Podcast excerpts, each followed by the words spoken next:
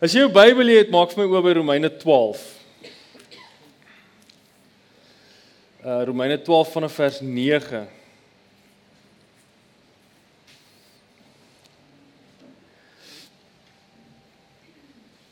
Ek lees vir ons uit die nuwe lewende vertaling uit.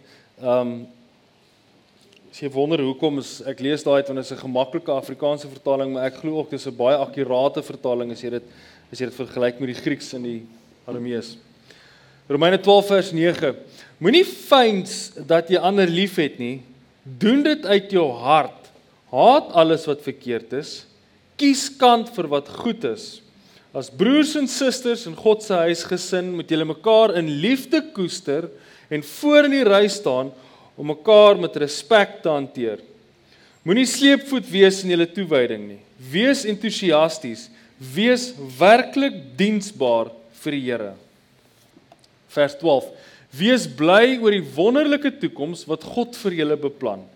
Volhard in tye van swaar kry. Moenie verslap in die gebed nie. As medegelowiges in nood verkeer, wees jy die een om die helpende hand na hulle toe uit te steek. Maak 'n gewoonte daarvan om gasvry te wees. Maak nie saak of dit oor kos of oor slaapplek gaan nie.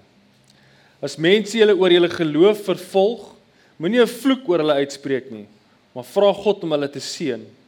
As ander blydskap ervaar, juig saam met hulle. As hulle hartseer is, deel dit met hulle. Konsentreer op dit wat onderlinge eensgesindheid bevorder. Moenie belangrik probeer wees nie, maar vind julle geluk by die nederiges. Moenie dink dat net julle altyd reg is nie. Moenie vir enigiemand kwaad met kwaad terugbetaal nie. Wees positief teenoor alle mense. Vers 18 is die kern van die gedeelte wat ek volgende wil saamlees.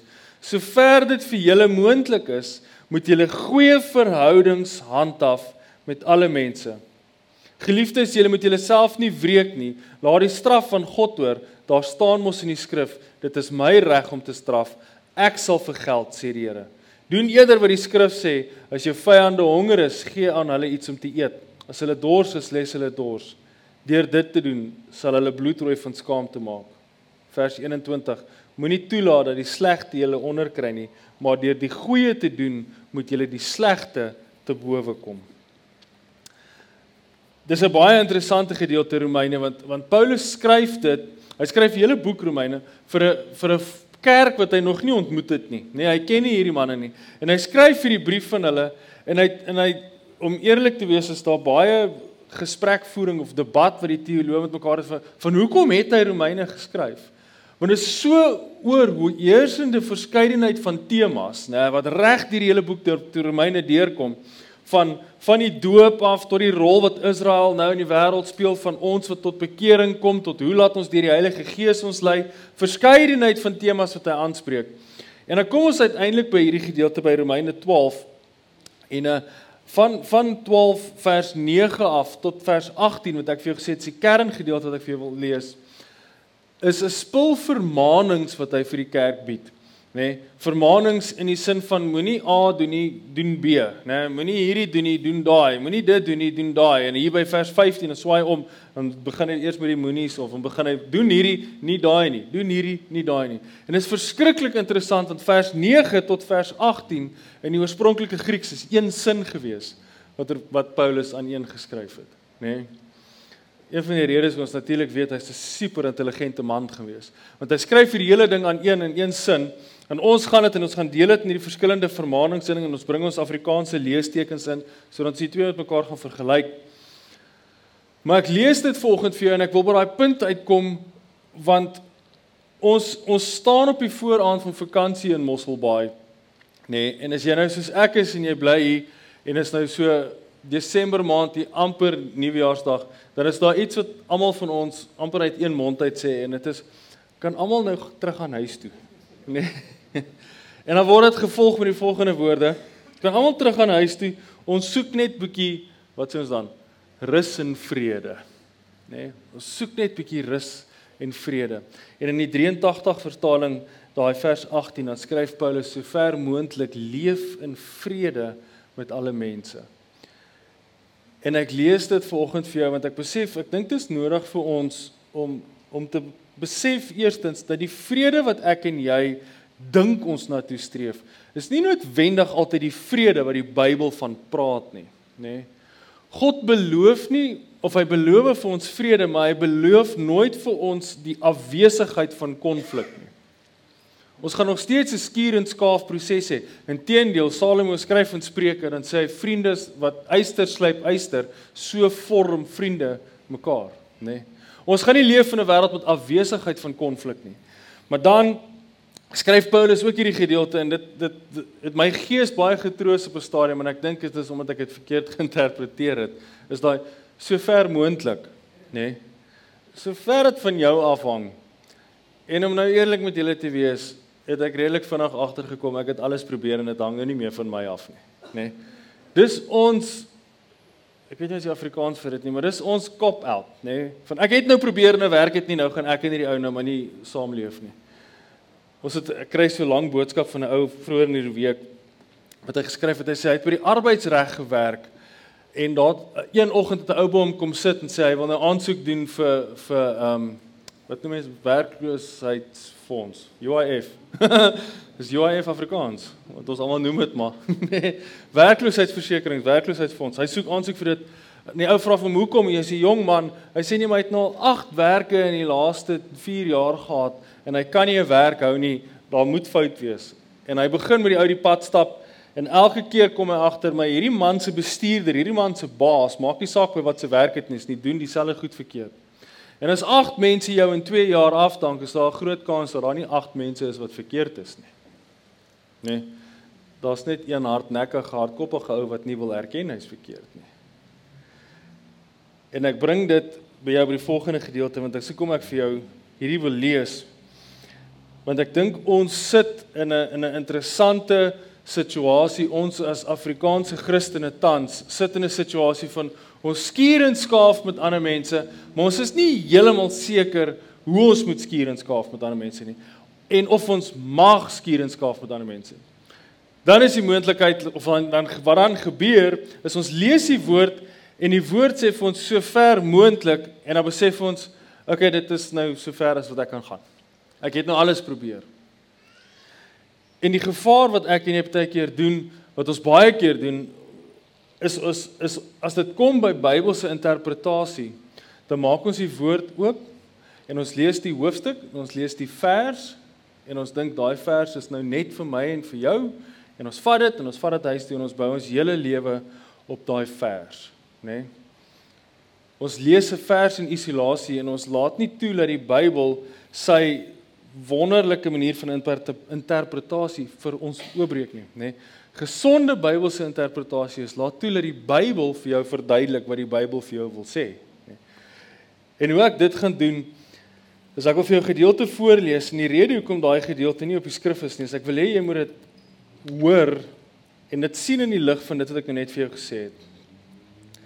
Iets wat ek vergeet het om vir jou te noem is dat uh die gedeelte wat ek jou gelees het van die van die vermaanings begin by 'n baie besonderse gedeelte en daai besonderse gedeelte begin by Paulus wat vir die Romeinse kerk skryf.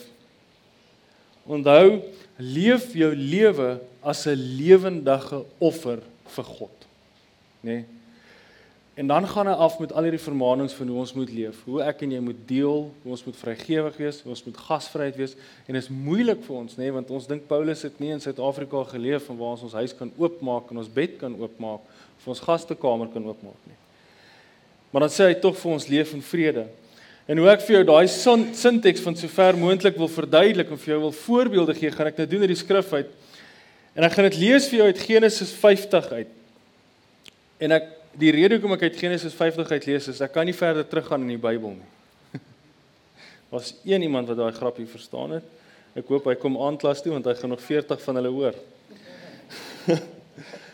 Josef het saam met sy broers en almal wat na hom uh almal wat hom na sy pa se begrafnis vergesel het na Egipte toe teruggekeer. Na hulle pa se dood het Josef se broers bang geword. Nou gaan Josef ons terugbetaal vir al die kwaad wat ons hom aangedoen het, het hulle gesê. Daarom stuur hulle die volgende boodskap vir Josef.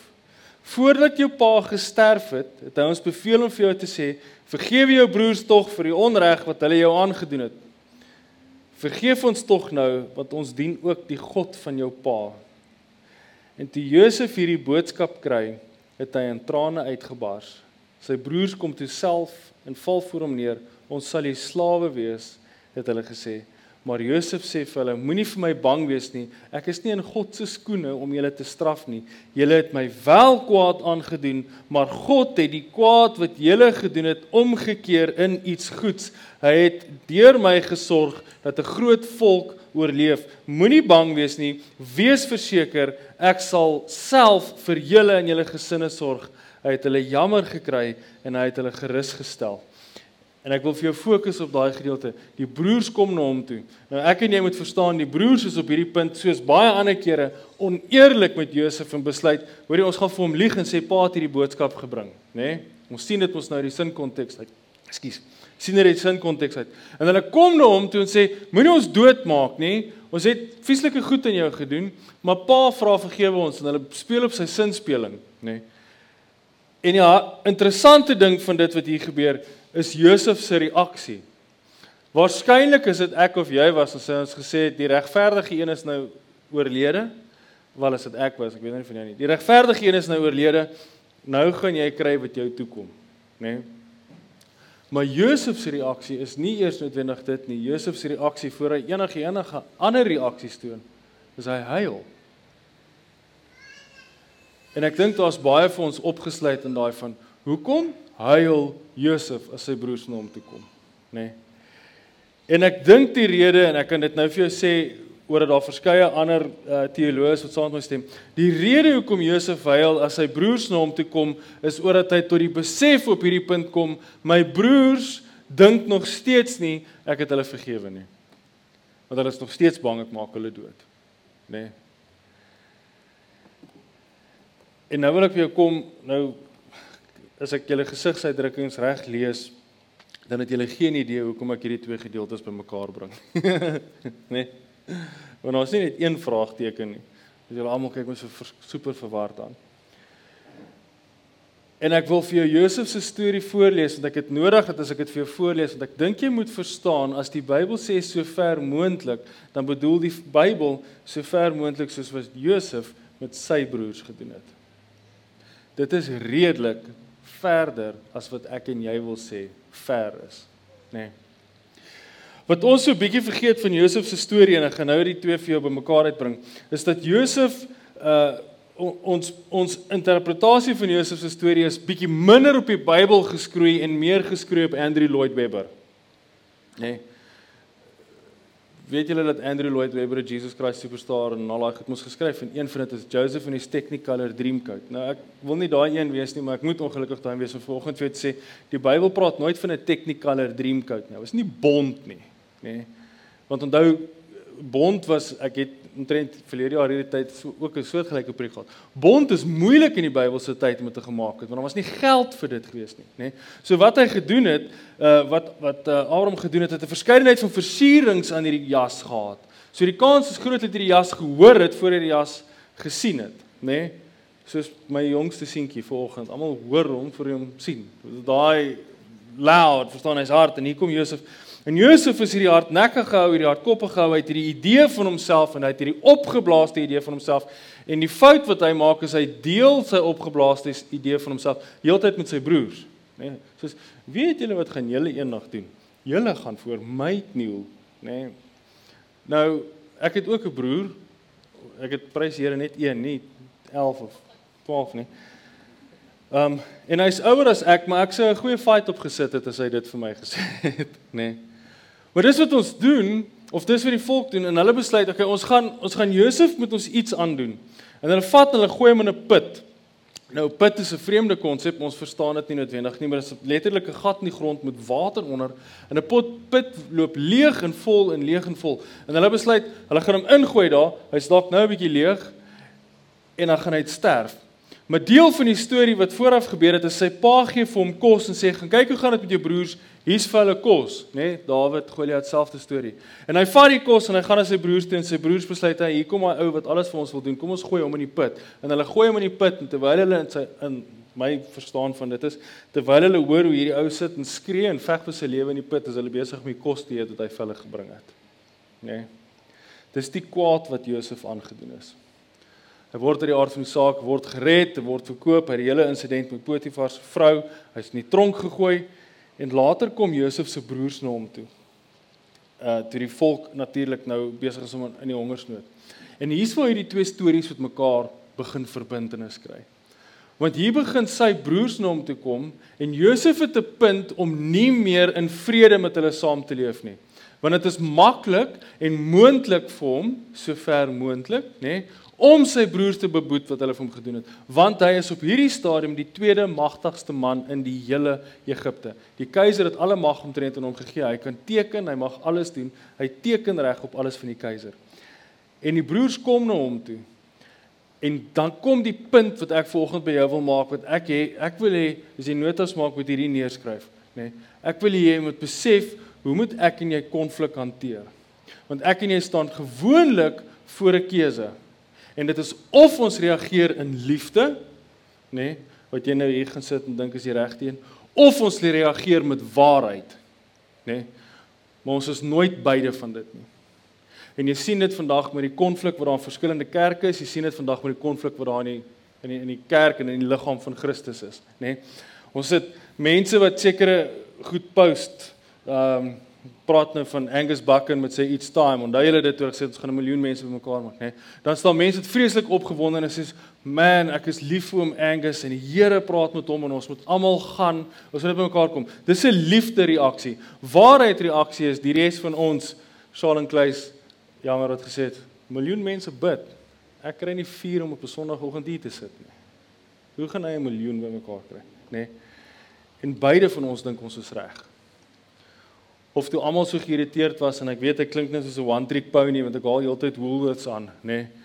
Maar toe Woolworths daai reënboogkleur vlaggies oral te gehad het, was daar twee groepe wat gereageer het. Ons moet hulle nog steeds ondersteun. Ons moet net lief wees vir hulle want liefde is die ding wat hulle gaan help en gaan bevorder en wat ook al. Dan het ons die ander deel van die kerk gekry wat gesê het ons moet met hierdie mense die waarheid praat. Hulle het die waarheid van Jesus nodig, nê. Nee. En die fout wat ek en jy konstant maak in ouerskap en in werk en in vrede en in konflik is ons kry nooit daai twee gekombineer nie. Nê. Nee. Maar die Bybel is heeltyd besig om albei te kombineer. Waarheid en liefde. Waarheid en liefde. As ek en jy so 'n helikoptervlug oor Josef se lewe doen terwyl sy broers terug terugkom na hom toe, dan laat dit my so bietjie dink aan 'n kat wat 'n akedus gevang het en die akedus dink heeltyd hy gaan wegkom en die kat trek hom terug en dan hol die akedus weer en dan vang die kat hom trek hom terug nê. Nee. Ek is nie eers 'n kat mens nie. Ek weet nie hoe ken ek sulke vergelykings nie. Nê. Nee. Jou jou sou seker beter gewees het. Maar ek en jy lees dit en ons dis ons interpretasie en ons dink magtig maar Josef is eintlik ongeskik met hulle nê. Nee. Hy stuur hulle weg en sê julle het gesteel en dan kom sy broers na hom toe sê nee maar ons kort kos vir my pa en dan spring hy op dis daar's so baie in die storie het verlore gegaan met ver, um, uh vertaal ekskuus vertalings. Dan spring Josef op en sê leenaars, julle spioene. Spioen. Hy skree letterlik op sy broers en sy broers val op hulle aangesig gesê dis nie ons nie, dis nie ons nie, nê? Nee. En as jy dit lees en jy so 'n bietjie soos ek en dink ek soos, "Ja, Josef het meer van die Heilige Gees nodig gehad en oor hoe kwaai is hy." Nê? Nee. Maar wat ons nie raak lees nie is dit wat jy ver oggend ook waarskynlik nie raak gelees het nie. Josef beklei met sy broers. Sy broers gaan een kant toe en hy gaan sit in sy kamer en doen wat? Huil. Hy huil vir sy broers. Want ek dink en dis ek en die ander ou wat jy uh Derek Kidner is die is die uh, geskiedkundige wat baie daaroor geskryf het wat uh Hebreëse interpretasie vir Genesis geskryf het. Sê ons moet heeltyd in ag neem dat wanneer Josef hard is op hulle, nê, nee, dan gaan hy lei heeltyd. Want hy's heeltyd besig om in liefde met hierdie ouens te reageer, want hy besef dat die broers wat voor hom staan is nog heeltyd na al die jare dieselfde broers wat hom in die put gegooi het, nie wat sy lewensverhaal is nie. Hulle het nie die tyd saam met God nie tronk spandeer nie. Hulle het nie onder in die put gesit nie. Hulle het nie al daai goed beleef nie. En wat Josef doen is hy sit vir die ouens se feesmaal voor hom vir hulle van sy voorsiening te gee. En hy jaag hulle weg en hulle gaan terugkom.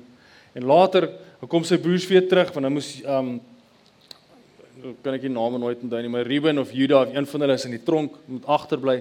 En hulle gaan terug na hulle pa toe en hulle kom terug na hom toe met hulle 6 of 7 jaar daarna hulle is weer honger. Kom hulle weer by Josef en sê vir Josef, ons kort weer graan want ons is besig om dood te gaan, nê? Nee, en hy het ons vir hulle gesê jy moet jou boetie, jongste boetie saamkom, jy moet Benjamin saambring. En hulle bring vir Benjamin saam en hy sê okay, dis great, ek gaan vir julle saad gee, ek gaan vir julle graan gee, julle gaan oorleef, dit gaan amazing wees, behalwe die jongste boetie bly by my in die tronk. Nee. En hulle kan dit nie agterkom nie. Daar's die hele storie onthou nou daar's nou gesteel en goed, maar dan gaan hy en dan gryp hy vir Benjamin gaan Benjamin saam met hulle terug. Hulle kry die koppie by Benjamin en gaan arresteer hulle hom. En in die oomblik wat hulle hom arresteer, of hom terugbring en die hele volk terugbring, die hele broers, skus terugbring. Dan wil hy vir Benjamin nie, sal hom met die aard van die saak nie doodmaak nie, maar met hom straf. En dis die eerste keer wat ons sien wat Juda opspring, nê? Nee, hy vir hom sê, "Maak my dood, nie my broer nie." En is op daai punt wat Josef vir die eerste keer vir hulle sê, "Ek is Josef." Nê? Nee.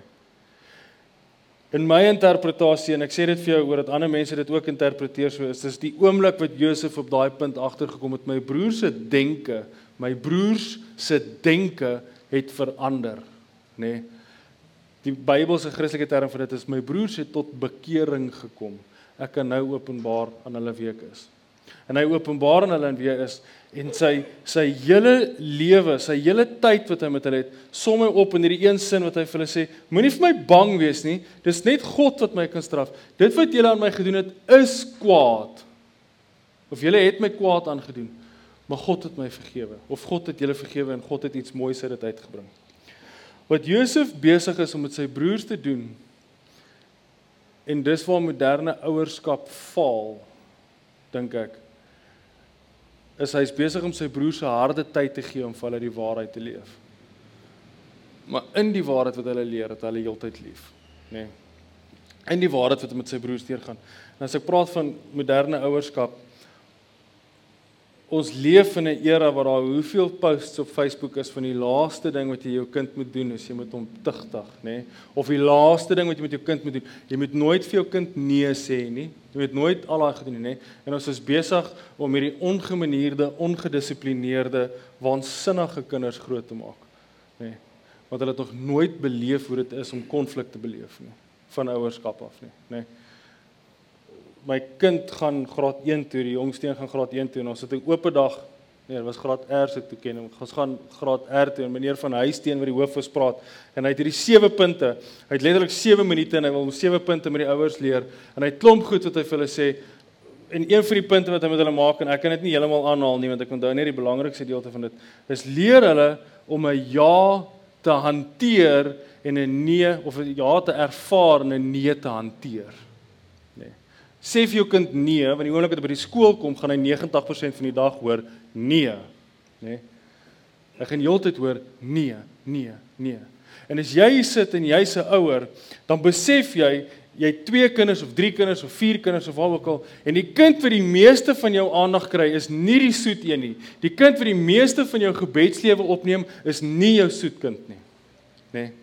Dis die kind waaroor jy regtig, regtig, regtig bekommerd is. Nou wat het die kinders wat stout is met Josef hulle te doen? Dit is God se pad wat hy met elkeen van ons stap. As ek en jy ver oggend hier sit en ons sê ons glo en ons dien 'n groot genadige lewendige God, dan moet ons glo dat stage 6 load shedding is deel van God se genade vir ons dan moet ek en jy glo dat die feit dat inflasie op en af gaan is deel van God se genade vir ons. Daar's iets wat God met ons doen want as ons glo God is soewerein, dan moet sy hand in dit wees. Dit maak dit nie vir my en jou makliker nie. Dit maak dit nie beter om jou werk te verloor nie, dit maak dit nie beter om dokter toe te gaan en 'n vieslike uitspraak oor die lewe te kry nie. Maar ek en jy hou vas in die feit dat God in beheer is en uit hierdie omstandighede gaan hy iets fantasties vir ons teweegbring. Ek en jy het die voorreg om met mense om te gaan en baie keer 'n klein rol of 'n klein voorbeeld van God se liefde vir hulle te wees. Nee. Maar die oomblik wat ek en jy daai onus op ons vat, daai verantwoordelikheid op ons vat om liefde vir mense te wees, dan is dit bitter nodig vir my en jou om ook die waarheid saam met die liefde vir mense te bring. Dis vir my die voorreg om na my kinders te kyk en te sien wat hulle beplan en dan net oordat ek so bietjie langer as hulle in die lewe al is, kan ek sien hierdie plan gaan nie nou lekker uitwerk nie. nee. En is nie oor dat ek my kinders wil uh die halsband wil stywer vasmaak nie. Dis oor dat ek hulle moet dissiplineer en leer hoe om verder te gaan.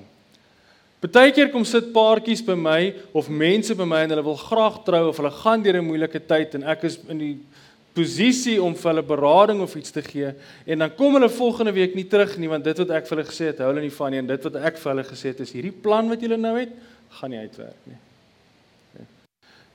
Hierdie pad waarop jy nou stap, kan ek nie sien gaan dit uitwerk nie.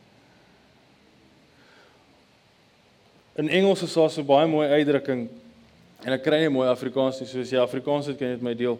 Maar die Engelse uitdrukking is you can't see the forest for the trees, nê. Nee. Ons kyk ons sien nie die woud nie want ons sien hier's honderde bome voor ons. En dis presies baie keer my en jou pad wat ons stap met ander mense en met God. Ons sien nie die mens nie, ons sien nie die God nie. Ons sien net al hierdie konflik, al hierdie probleme, al hierdie goed voor ons en ons kom nooit by God uit nie, nooit by sy genade uit nie, nooit by sy voorsiening uit nie. Nee. Ek deel hierdie vir jou want ek besef dit is nodig vir my en jou as Christene om op te staan en inbors te hê en op te staan vir dit waarna ons glo. Maar om nooit ooit ooit die uitsondering te maak van ek gaan hierdie ou net waarheid gee nie en die liefde vergeet nie, nê? Nee, of ek gaan hierdie ou net liefde gee en nooit die waarheid hoor nie. As Josef vir sy broers net liefde gegee het, het hulle vergewe op daai oomblik en sy broers het teruggegaan en hy sou net graan gestuur het, graan gestuur het, graan gestuur het, nê? Nee en sy pa se dit nooit beleef het nie. As Josef net waarheid aangegaan het, kon sy broers teruggekom het en gesê het: "Julle het my kwaad aangedoen en nou gaan ek julle kwaad aandoen. Nou gaan julle almal in die tronk sit." Maar hy is heeltyd besig om hierdie uh geniale manier van wysheid te deel tussen waarheid, liefde, waarheid, liefde. En ek deel dit volgens vir jou want ons wat hier sit, dink ek, bid heeltemal te min daarvoor dat ons God se wysheid kort in oomblikke soos die. Ons bid heeltemal te min daarvoor, nê. Nee, dat ons God se raad kort in konflik. Ek wil afsluit deur vir die volgende te sê. Ons as Christene hou vas aan waarheid, nê. Nee, as jy saam met my is, uh, daar's daar's daai sêding ek dink intendeel Mr Price het seker sulke hemde op staan wat if you can be anything be kind, nê. Nee, Het julle dit al gesien? Julle koop nie ek as Woolies se kem net so julle het seker gesien het. nee. Was dit Woolies gewees? Oh my head. Hoe kom sien julle nie? Koop julle nie by Woolies nie. Maar ehm um, if you can be anything be kind en ek wil dit altyd verander het want ek het gesê moenie kind wees nie, wees truthful. Wees wees waar, né? Nee, wees net waar. As jy in 'n wêreld waar enigiets kan wees, wees waar, wees autentiek. En ek besef toe die rede hoekom ek en jy nooit ten alle tye waarheid gaan hê nie en ten alle tye liefde gaan hê nie is omdat toe Jesus aarde toe gekom het, het hy vir ons gesê ek is die weg, die waarheid en die lewe, nê. Nee. Jesus is die manifestasie van God se liefde. So wanneer ek en jy daai armbandjies gedra het, het gesê het what would Jesus do? Is dit waarskynlik die naaste wat ek en jy gekom het om onsself heeltyd te herinner in hierdie situasie. Wanneer is ek waarheid? Wanneer is ek liefde? Hoe gaan ek meer soos Jesus lyk? In hierdie punt, nê. Nee. Want dieselfde Jesus wat spoeg vat en modder maak en oë genees, hardloop in die kerk en gooi tafels om. Nê. Nee. En ek en jy het regtig, regtig nodig om by die Here se voete te sit en hom te sê Here, wie wil U hê moet ek in hierdie situasie wees? Totdat ons op 'n punt kom wat ons werklik na God toe kan gaan en vir die Here sê Here ek het alles probeer in my oomblik van konflik en ek het regtig gegaan soos wat die woord sê so ver moontlik. En nou kan ek nie meer nie. Nee. En die eenvoudige antwoord vir dit die oomblik wanneer dit nie meer moontlik is vir ons nie, wanneer so ver moontlik is is wanneer ons alles gedoen het wat ons kon doen en daai persoon net dood aanvoudig kies om aan te hou met konflik. Dis hoe dit is. Ons kies nie vrede bo heiligheid nie maar ons kies liefde en waarheid wat God vir ons het. Nee. Hier is nog deel van die afsluiting, so is nie die tweede afsluiting nie, so jy moet net dit nou agter. Nee. As ek en jy by 'n punt kom en ons sê vir mekaar Jesus is die weg, die waarheid en die lewe, Jesus is die liefde van God, dan is dit vir my en jou makliker om na iemand toe te gaan wat met ons stry, iemand wat na na toe te gaan met wie ons in konflik is en onsself neer te lê want ons besef wat het Jesus vir ons gedoen.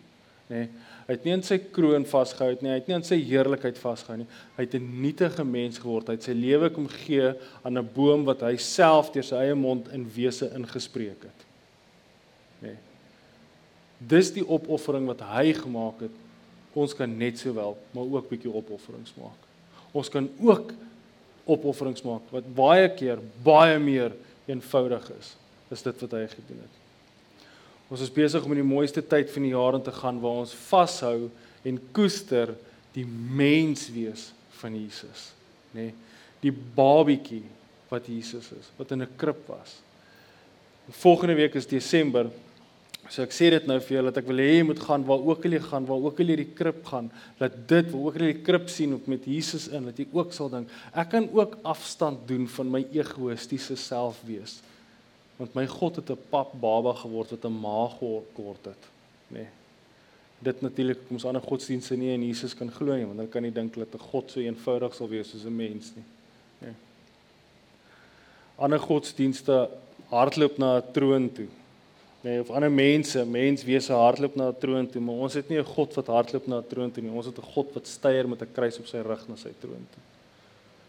Mag dit wees wat ek en jy koester wanneer ons in konflik is. 'n bietjie meer die pad van selfneerlegging stap. Here mag ons ver oggend weer besef wat dit is dat as U U lewe vir ons gegee het. Here is dit die einde van die bediening gewees. Here, maar U het begin deur U mens wees. U het begin deur heeltyd afstand te doen van U heerlikheid en van die glorie sodat ons kan besef hoe lief God ons het. Here help elkeen van ons wat vanoggend hier sit, wat sit in konflik. Elkeen van ons wat hier sit en nie weet waartoe om te gaan met ons lewe nie, want ons ag rus en vrede so belangrik.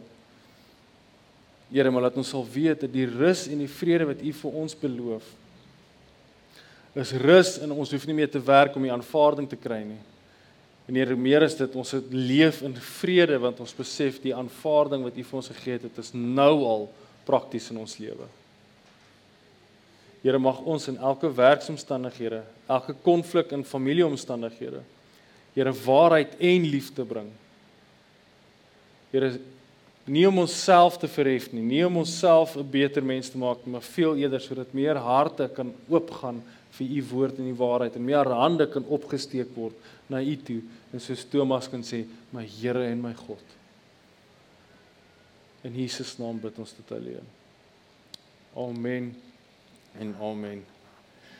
Die goeie nuus is ek het amen gesê voor die wind te veel waai. So as jy vinnig oppak kan jy nog strand toe gaan bietjie. nee. Ehm um, jy is welkom om te staan en spreek ek die seën van die Here vir ons uit.